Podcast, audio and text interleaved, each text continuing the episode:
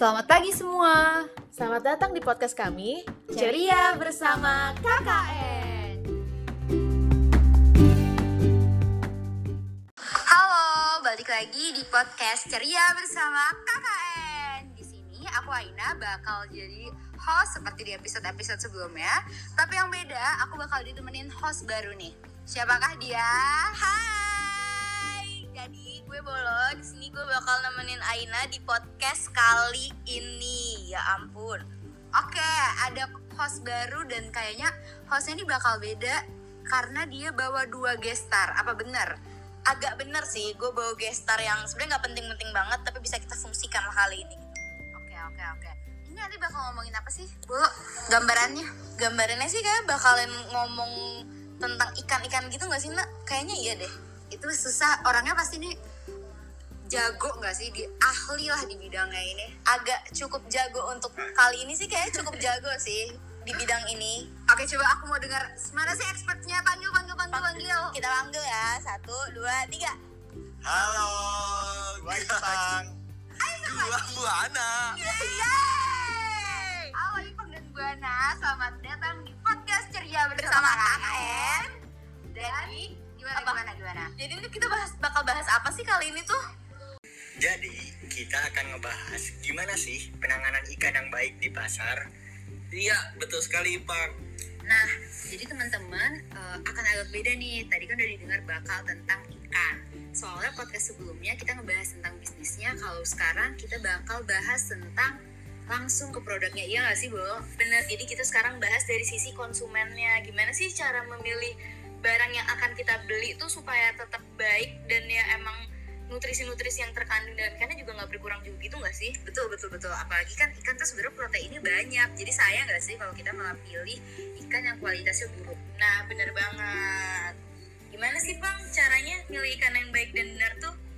Nah, sebenarnya ada empat kunci penting yang bisa disingkat dalam ABCD untuk penanganan ikan yang baik. Yang pertama itu A. Apa itu bu? A itu aman nih, Pang. Tangani si ikan dengan cara aman dan hati-hati. Bebaskan dari kontaminasi secara biologis, kimia, dan secara fisik. Lalu B apa Ipa? Nah, B itu bersih. Menangani ikannya harus dalam kondisi yang bersih. Terus kayak si penjual itu harus mencuci tangan agar bakterinya tidak menempel di ikan. Kemudian wadah yang tempat meletakkan ikan juga harus bersih.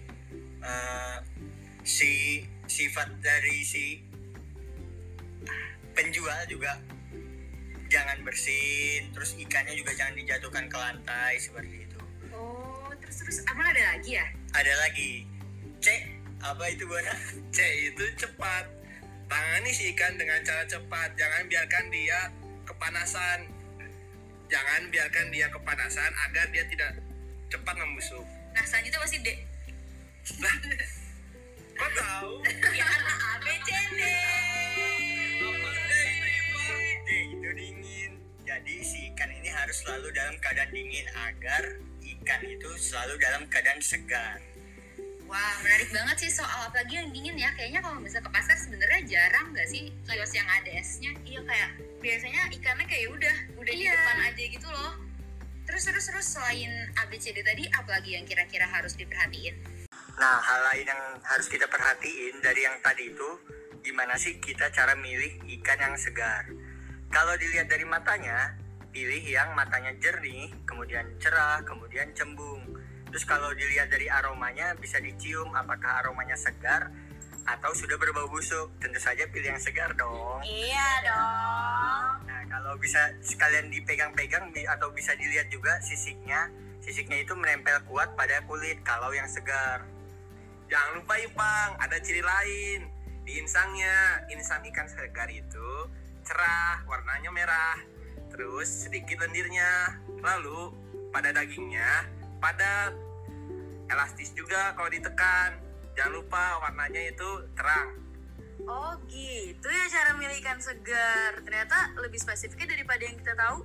Ah, ah, biasanya kan kalau kita ya langsung tanya aja mana yang ikannya baru masuk kayak gitu kan. Nggak perlu kita ngeliat-liat detailnya. Padahal Iya. sebenarnya penting. Iya ternyata lebih kalau misalnya kita bisa tahu ilmunya kita jadi lebih bisa dapet protein yang lebih bagus juga lagi. Gitu nggak sih? Setuju setuju setuju setuju terus terus uh, apalagi ya kira-kira yang kita harus tahu? Apalagi nih misalnya ikannya udah beli nih segar bagus. Terus waktu kita bawa ke rumah harus diapain tuh ikannya? Nah, setelah sampai di rumah, ada banyak tips nih untuk menangani ikan segar yang telah kita beli di pasar tadi. oh iya tipsnya apa aja tuh? Ih, lu kepo banget sih, Bolo. iya dong emang kepo. Iya nih, gue kasih tahu ya kalau lu kepo banget. oke. Nah, yang pertama itu siangi ikan atau buang insangnya dan isi perutnya. Terus yang kedua, cuci ikan itu secara bersih hingga darah dan kotorannya terbuang semua.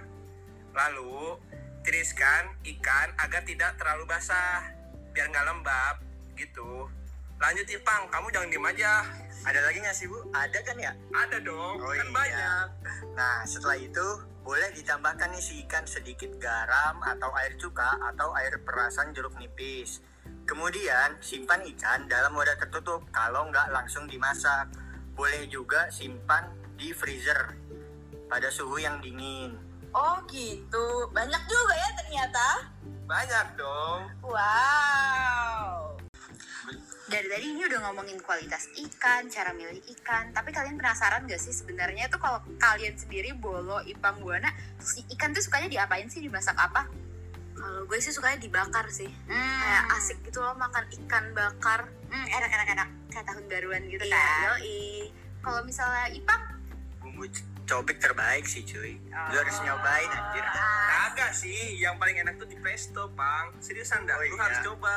oh gitu jadi banyak banget ya ternyata cara mengolah ikan juga kayaknya sayang banget ya. Tapi Indonesia maksudnya sebenarnya lautnya tuh gede banget. Tapi kayak masyarakatnya nggak terlalu suka ikan. Iya gak sih secara general ya? secara general iya sih jujur gue juga nggak terlalu suka ikan kayak agak picky mungkin karena milih ikannya juga kurang juga kali ya? Eh, paham kayak kadang kita tuh pengen ikan tapi begitu kita makan dagingnya nggak terlalu enak. Jadi kita kayak jadi males gitu kan. Bener sih jadi kayak amis gitu. Tapi kan tadi udah dikasih tahu nih tips and triknya. Bisa dicoba nih sama gue kayaknya selanjutnya. Terus juga kadang sering dengar gak sih tentang berita-berita yang macam pengawet-pengawet nggak sehat gitu? Kayak formalin gitu nggak sih? Hmm, hmm. coba deh kita tanya expertnya. Sebenarnya kalau misalnya di ikan tuh ada nggak sih pakai formalin Sebenarnya ada. Bisa dilihat dari ciri-cirinya tahu. Beda loh yang ada formalin dengan ikan yang tanpa formalin. oh iya Iya. gimana tuh cara milihnya Nih, kalau misalnya ngelihat matanya, yang dengan formalin, bola mata dan pupilnya tenggelam. Kemudian keruh juga tampak lendir kuning di matanya. oh, Kalau tuh Kalau dilihat dari insangnya, si warna insangnya warnanya pucat, kemudian kusam agak keputihan. Gitu ya bu gitu ya, Pang. ada lagi nggak sih Ada sih, ada banyak. Terus dilihat dari sayatannya, apabila sayatan dagingnya itu pucat kusam, terus isi perutnya tidak itu tidak utuh, itu bisa diindikasikan ada formalin di dalam ikannya. Lalu bisa dilihat di permukaannya, apabila permukaan kulit ikan itu pucat kusam, teksturnya keras, padat, bila ditekan dengan jari itu tidak elastis, itu bisa menjadi indikasi ikan yang berformalin. Baunya juga asam loh. Nah, seperti itu sih. Oh gitu, berarti sebenarnya kita sendiri pun konsumen walaupun tanpa lab bisa dong ngebedain mana ikan sehat dan ikan berformalin.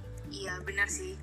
Kayak ya udah kita jadi bisa tahu nih gimana milih ikan yang bener nggak yang sembarangan juga nggak sih kalau sekarang? Iya iya betul betul betul. Terus nih eh, sebagai sebelum kita tutup podcast hari ini, coba kita tanya yuk expertnya menurut kalian berdua apa sih satu hal penting yang harus start diperhatikan oleh orang Indonesia terkait ikan, entah itu pola makannya, pola belinya atau apa gitu. Kalau dari gua sih ya, potensi perikanan di Indonesia itu besar banget cuy. Nggak kalah dari Jepang. Lu tahu kan kenapa orang Jepang tuh pada pinter-pinter banget. Mereka tuh pada suka banget makan ikan. Ya, tapi gue yakin orang Indonesia tuh bisa kayak orang Jepang kalau kita makan ikan. Jadi sesuai kata Bu Susi, mantan Menteri Kelautan sebelumnya, ya ayo kita makan ikan. Nah, tadi kan lu udah bilang kan, Pang, tagline dari Bu Susi itu apa? Ayo makan ikan. Betul.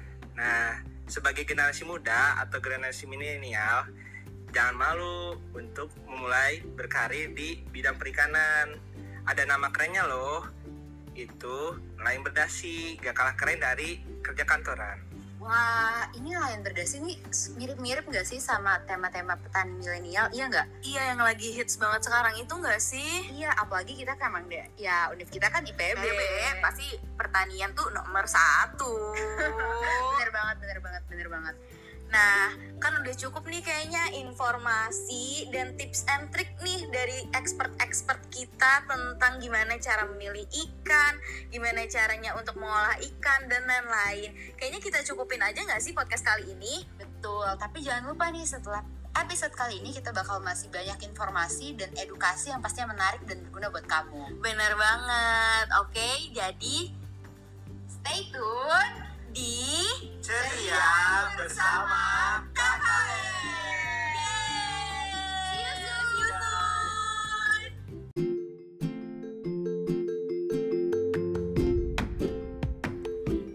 Sampai jumpa di episode selanjutnya.